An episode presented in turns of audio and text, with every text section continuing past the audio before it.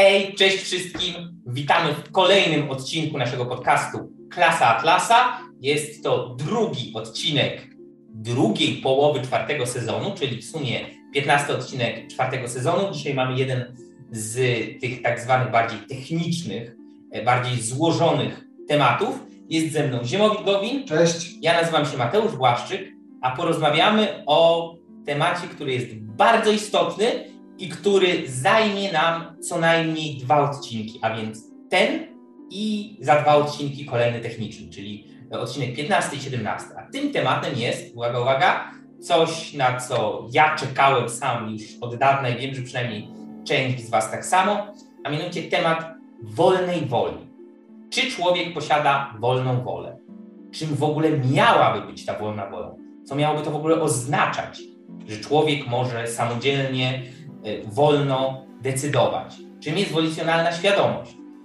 E, postaramy się za chwilę zagłębić w ten temat, natomiast już tutaj e, myślę, że warto powiedzieć, jak będą podzielone te dwa odcinki. Dzisiaj, w tym pierwszym odcinku poświęconym wolnej woli, będziemy mówić o tym, jak można spróbować przedstawić wolną wolę człowieka, w jaki sposób wolicjonalna świadomość może działać, jakie procesy wchodzą tutaj w grę, w jaki sposób zintegrować to z tym wszystkim, co mówiliśmy e, odnośnie do myślenia, aksjomatów, świadomości, pojęć, w ramach filozofii obiektywizmu, o tym, o czym mówiliśmy w pierwszej części czwartego sezonu, a drugi odcinek, czyli za dwa odcinki, odcinek 17, będzie odcinkiem dowodzącym, będzie odcinkiem pokazującym, dlaczego to, o czym mówimy teraz w tym odcinku, jest prawdą, dlaczego determiniści i wszyscy podważający istnienie wolnej woli człowieka mylą się, jaki błąd popełniają, Wiem, że na to bardzo wielu z Was czeka, bo no jest to coś, no wolna wola, przecież nie ma wolnej woli, bo wszystko jest zdeterminowane i tak dalej. gimnazjalistą w tak. e, piwnicy. Y, przeczytałem sama Harrisa w najlepszym wypadku albo i nie, y, no ale nauka dowodzi, że nie ma wolnej woli, tak? Istnienie wolnej woli jest nienaukowe jest domeną jakiejś fikcji, mistyki, A to do tego też się odniesiemy, jak nauka tak. faktycznie do tego podchodzi. Do tego y, odniesiemy się właśnie w tym drugim odcinku, czyli to będzie 17 odcinek czwartego sezonu. Teraz skupmy się na tym, co możemy, zgodnie ze wszystkim, co do tej pory mówiliśmy o ludzkich władzach poznawczych i ludzkim umyśle, powiedzieć o wolnej woli i wolicjonalnej świadomości. To może zacznijmy od krótkiego przypomnienia, yy, jakie są w ogóle poziomy świadomości i jak działają. E, no i generalnie Rand to zawsze przedstawia tak, że takim podstawowym poziomem to jest poziom wrażeń, coś co ona nazywa sensations. To są um, takie y, wrażenia, to jest to, na co, to jest, co, to jest to, z czego składają się percepcje. Czyli to, co widzimy, czyli jakieś plamy kolorów, czy zbitki dźwięków, y, które już potem nasz umysł integruje w pewną całość i to, jest, i to są jakieś percepty, czyli na przykład to, że słyszę jakiś dźwięk, jakieś postrzeżenia, E, to, że ja widzę jakiś przedmiot, czy że po prostu widzę coś, czyli to, co my widzimy bezpośrednio, to są percepcje. Percepcje czy postrzeżenia i to składa się z wrażeń. Tak, mówiąc krótko, macie po prostu uruchomione e, swoje zmysły, widzicie coś, słyszycie, składa wam się to na pewien obraz. Powiedzmy, macie przed sobą psa, więc widzicie tego psa, mają jakiś kształt, słyszycie jak on szczeka, niestety bardzo często... Jak ucieka. Czujecie, jak ten pies może na przykład nieprzyjemnie pachnieć, yy, możecie go dotknąć, pogłaskać, zobaczyć jaką yy, fakturę, jaką strukturę ma jego sierść itd., tak itd. Tak to jest spostrzeżenie, to jest to, co jest Wam bezpośrednio dane przez zmysły i Wy możecie na drodze abstrahowania, yy, na drodze yy, introspekcji wyizolować konkretne elementy tego no, obiektu zwanego psem, tak? Czyli że kształt, yy, właśnie jak, yy, jak w dotyku yy, czuć sierść, jaki ma zapach i tak dalej. Natomiast wy to odbieracie jako całokształt. To jest to, co jest bezpośrednio dane za pomocą waszych zmysłów wzroku, słuchu, węchu, dotyku i tak dalej. Więc to jest ten podstawowy, preracjonalny poziom świadomości właściwy zarówno dla ludzi, jak i dla zwierząt, przynajmniej dla wyższych gatunków zwierząt. Tak, i to jest istotne. Oczywiście to jest tak, że różne organizmy mają różne formy e, postrzegania. O tym mówiliśmy, prawda, w poprzednich Tak. odcinkach dotyczących My percepcji. nie mamy echolokacji, nietoperze Tak. mają. Yy, pszczoły zupełnie inaczej postrzegają kolory niż my, mimo że, że też mają zmysł wzroku. I tak dalej, i tak dalej, i tak dalej. Tak? Bo zawsze postrzeganie jest postrzeganiem jakimś, ma Tak. pewną formę. Ma postrzeg- jest postrzeganiem jakimś postrzeganiem czegoś. Oczywiście. Tak? Czyli ma formę i ma przedmiot, który bada. Natomiast te preracjonalne, jak to Mateusz nazwał, poziomy świadomości są automatyczne. To jest coś, co jest nam po prostu dane, to jest coś, co działa niezależnie od naszej woli. Natomiast jest jeszcze ten trzeci poziom, e, poziom świadomości pojęciowej, e, który jest już, no nie jest automatyczny, ponieważ e, to, co jest jego tą główną cechą, to to, że on polega na tym, że my e, jakby działamy używając pojęć, że my je w ogóle przyjmujemy, my się nad nimi zastanawiamy, Tworzymy. tworzymy oczywiście, no niektóre tworzymy, inne przyjmujemy i tak dalej.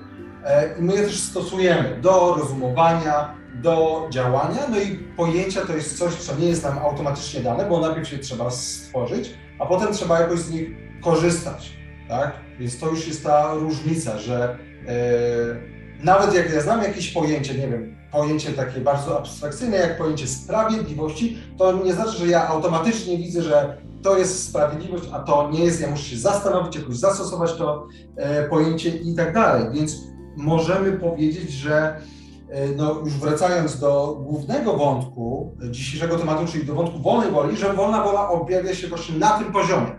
Bo to ja muszę zdecydować, że będę używał jakoś e, pojęć e, tego poziomu świadomości, tej tak zwanej pojęciowej. To jest ten poziom świadomości, który dla człowieka jest e, najważniejszy. E, No i tutaj można, e, e, Rand powiedziała, że myśleć to akt wyboru. Tak, tutaj Rand przez myślenie ma na myśli właśnie ten poziom wiedzy pojęciowej, ten e, wiedzy e, świadomości. Rozum nie działa automatycznie. To jest jedna z takich najważniejszych tez e, u, e, w, w ogóle w filozofii Rand, czyli to, że my rozumu musimy chcieć używać. Tak, że my go musimy jakoś włączyć, e, no i po prostu zastanowić się, jak mamy działać. Więc ten poziom wolnej woli właśnie pojawia się na tym poziomie. E, To możemy już przejść do podstaw wolnej woli, wolna wola, a świadomość. Tak, e, świadomość e, i wolna wola w obrębie świadomości, czyli czym jest ta tak zwana wolicjonalna świadomość. Więc warto zacząć od tego, że sama świadomość, to, że człowiek jest czegoś świadomy, tak, czyli to, co mówiliśmy już w odcinku aksjomatach, drugi aksjomat, tak, drugi? Drugi. Drugi. Jest jakaś rzeczywistość, to jest pierwszy aksjomat, jestem jakiś ja, który posiada świadomość i jestem dzięki tej świadomości świadom tego, że coś tam jest.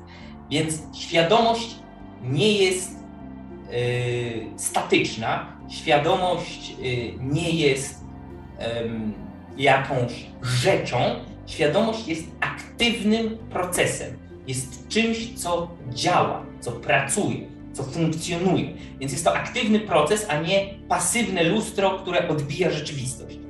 E, mówiąc inaczej, aby osiągnąć poziom świadomości, ludzkiej świadomości na naszym człowieczym e, poziomie i aby ten poziom utrzymać, e, to musimy zaangażować umysł w serię różnych skoordynowanych działań. Aktywna świadomość, tak jak mówiliśmy, nie jest automatyczna i to, z czym mierzy się świadomość, co odbiera świadomość, przedmiot e, świadomości, czyli rzeczywistość, wszystko wokół nas, każdy obiekt, każda rzecz, wszystko, o czym y, możemy pomyśleć i czym możemy operować w ramach naszej świadomości, po prostu sobie istnieje, tak? Existence exist, rzeczywistość istnieje, ale w magiczny sposób automatycznie nie wlewa nam się y, do umysłu, tak? Nasze zmysły, wzrok, słuch i tak dalej, przekazują nam jakieś spostrzeżenia e, na temat świata, ale to jest tyle, tak? cała reszta, do całej reszty potrzebny jest celowy wysiłek umysłowy człowieka i podjęcie pewnego starania, aby świadomość mogła uchwycić rzeczywistość, bo inaczej mamy po prostu przed sobą chaos nieskoordynowanych, niezhierarchizowanych, e, bezładnych bytów, rzeczy, czegoś. E, I, I, widzimy sobie tego psa, powiedzmy, nawet możemy go widzieć, słyszeć, e, czuć węchem i tak dalej. I tak długo, jak nie spróbujemy pomyśleć, ok, o co chodzi, co to jest, dlaczego pies się rusza, a skała nie, dlaczego ten pies jest podobny do tamtego psa, ale już nie jest y, tak bardzo podobny do tamtego węża albo cokolwiek innego. To wszystko, co pozwala myśleć na tym ciut wyższym poziomie, tym ludzkim poziomie, y, jest już wynikiem aktywnego procesu świadomości, który wymaga wysiłku mózgowego, który wymaga starania. I w najkrótszym podsumowaniu tak można by określić wolną wolę. Czym jest wolna wola? To aktywny proces podejmowania umysłowego wysiłku w celu, nazwijmy to sobie, aktywizowania naszej świadomości, w celu utrzymania tej świadomości w stanie skupienia, o tym jeszcze będziemy mówić, czym jest to skupienie, i yy, zaangażowania tej świadomości do wejścia w interakcję z rzeczywistością na poziomie pojęciowym, konceptualnym. Czyli nie tylko na poziomie coś ja tu widzę, coś słyszę, coś tam szczeka, nie wiem co to jest, tylko na zasadzie ok, widziałem już coś podobnego, to ma podobne cechy do takich rzeczy, które widziałem, a od, odrębne od takich, to jest chyba to, co mogę wrzucić do kategorii pies. Takiego worka pojęciowego, który nazywa pies i w tym momencie coś już wiem, bo wiem, że psy charakteryzują się na przykład tym, e, że mają zazwyczaj cztery łapy, a nie osiem macek jak ośmiornica i tak dalej, i tak dalej, i tak dalej. Można psy wytrenować, e, a na przykład Eee, węża mniej. Węża mniej, tak? Czy jakiegoś tyranozaura, czy innego jakiegoś gigantycznego ślimaka zabójcy. I dzięki temu, co Mateusz teraz powiedział, możemy przejść do tego, co Rand uważała za podstawę wolnej woli. To znaczy, gdzie w ogóle ten proces się zaczyna, bo często się stawia ten problem jako ok, wolna wola, no to jest wtedy, kiedy mam przed sobą jakieś y, dwa możliwe wybory pod względem moralnym, co ja powinienem zrobić, czy jestem wolny, żeby wybrać to lub y, tamto. Albo nawet proste wybory, kawa czy herbata. Tak? Na przykład. Y, dla Rand ten poziom, na którym w ogóle dostrzegamy tę podstawę wolnej woli jest o wiele niżej, czy głębiej. I to jest na poziomie tym, co nam nazywa skupienia się, albo inaczej, myśleć lub nie myśleć. To jest ta podstawa wolnej woli, czy ja włączę swoje myślenie, swoje skupienie, czy go nie włączę. I tutaj taka dwie analogie. Jedna to jest e, dotycząca wzroku. E, jeżeli być może znacie takie doświadczenie, bo wydaje mi się, że nie każdy to zna, że wzrok jest taki nieskupiony, jest rozmyty. I my możemy y, się skupić i sprawić, że nagle będziemy widzieć, y, te oczy przestaną się nam rozjeżdżać, wrócą na swoje właściwe miejsce i będziemy już wtedy skupieni, widzieli wyraźnie. Więc to jest przykład takiej analogii, tak? Czy myśleć, czy nie myśleć, to znaczy skupić się na patrzeniu na rzeczywistość, tak jak to Mateusz przed chwilą e, opisał, czy nie. E, albo spójrzmy nawet na kamerę, która w tej chwili nas e, rejestruje. Albo może być skoncentrowana, sfokusowana na nas, będziemy wyraźni, tak. albo będziemy rozmyć, będziemy jakąś plamą, której mam bardzo... nadzieję, że tak nie będzie, której będziecie plamę widzieć na YouTubie. Tak, czyli to e, skupienie byłoby jako takie dostrajanie tak. kamery, żeby uchwycić ostrość. A drugi przykład, już taki bardziej związany z myśleniem faktycznie, jesteśmy na wykładzie i ktoś zanuda strasznie, nie wiem, gada o wolnej woli. I my sobie tak leżymy, leżymy, znaczy siedzimy tak oparci i tak tam to wszystko przepływa, w sumie nie wiemy do końca, co się dzieje. I tak mija ten wykład, w sumie nie myślimy szczególnie o niczym. I nagle, nie wiem, jest jakiś huk, ktoś przewrócił krzesło, my się podrywamy i znowu się skupiamy. Albo nagle ten profesor, żeby obudzić studentów, nie wiem, robi jakąś dziwną rzecz, wali pięścią w stół i ja nagle się skupiam. Czyli ten stan nieskupienia z kolei to byłby takie, no bo to nie jest tak, że od razu antycypuję jakieś wątpliwości. To nie jest tak, że my możemy sobie tak po prostu wyłączyć myślenie zupełnie, tylko chodzi o to, że możemy być w takim stanie takiego dryfowania mentalnego. Zaraz będziemy o tym mówić, bo są różne Zaraz poziomy skupienia. Albo nie braku skupienia. No właśnie, no to kiedy już, skoro już tak ogólnie opisaliśmy, czym jest skupienie, no to Mateusz, jakie są rodzaje tego skupienia, jak możemy to lepiej opisać?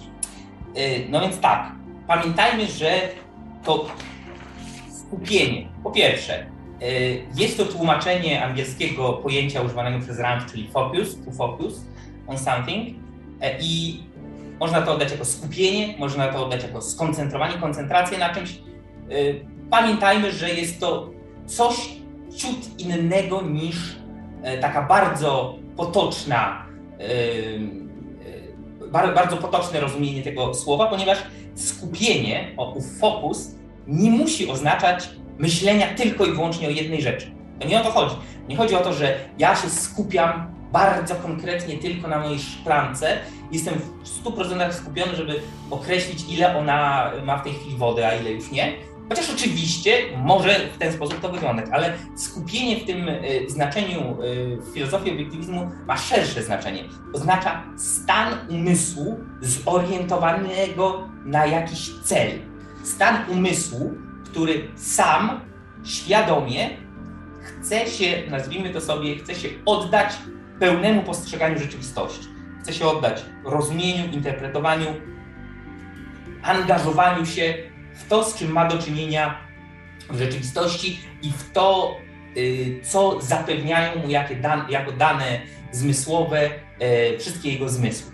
I to skupienie może mieć, tak jak przed chwilą powiedzieliśmy, różne poziomy. Tak? To nie jest zupełnie zero-jedynkowe, e, ponieważ możemy mieć poziom, który jest e, no, najbardziej adekwatny, jeśli chodzi o poznawanie i rozumienie rzeczywistości, czyli poziom pełnego skupienia, poziom, pełnej, zaangażowanej aktywności umysłu, umysłu otwartego na uchwycenie rzeczywistości, na radzenie sobie z tą rzeczywistością i w takim stanie pełnego skupienia, znów mówię, to nie chodzi o to, że ja się tak strasznie skupiam, tylko w stanie pełnego wykorzystania, świadomego i celowego wykorzystania moich władz umysłowych, e, człowiek w takim stanie próbuje uchwycić wszystkie fakty, które wydają mu się znaczące i istotne dla tego, o czym myśli, e, i te fakty umieścić w odpowiednim kontekście. E, Zwłaszcza, że przypomnijmy, wiedza jest hierarchiczna, tak? Są rzeczy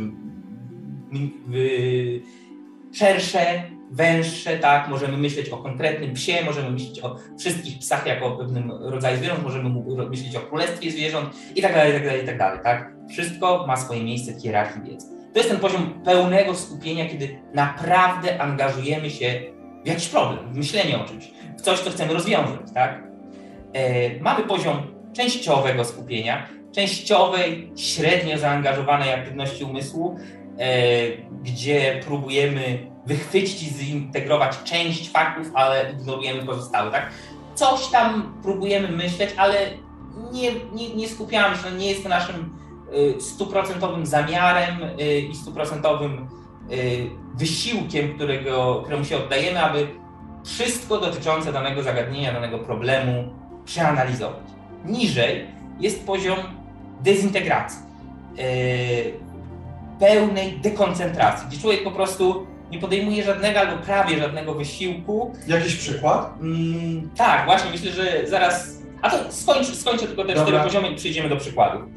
Żadnego albo prawie żadnego wysiłku e, związanego z poznaniem faktów czy integrowaniem wiedzy. I ostatni poziom e, jest to poziom uchylania się albo unikania skupienia, unikania myślenia, poziom e, po angielsku zwany evasion, e, czyli jest to poziom, gdzie człowiek podejmuje wysiłek. Właśnie odchodzi, że on tutaj podejmuje wysiłek, bardzo podobny do tego, który jest y, konieczny do tego, aby skupić się na konkretnym zagadnieniu rzeczywistości. Tylko, że ten wysiłek ma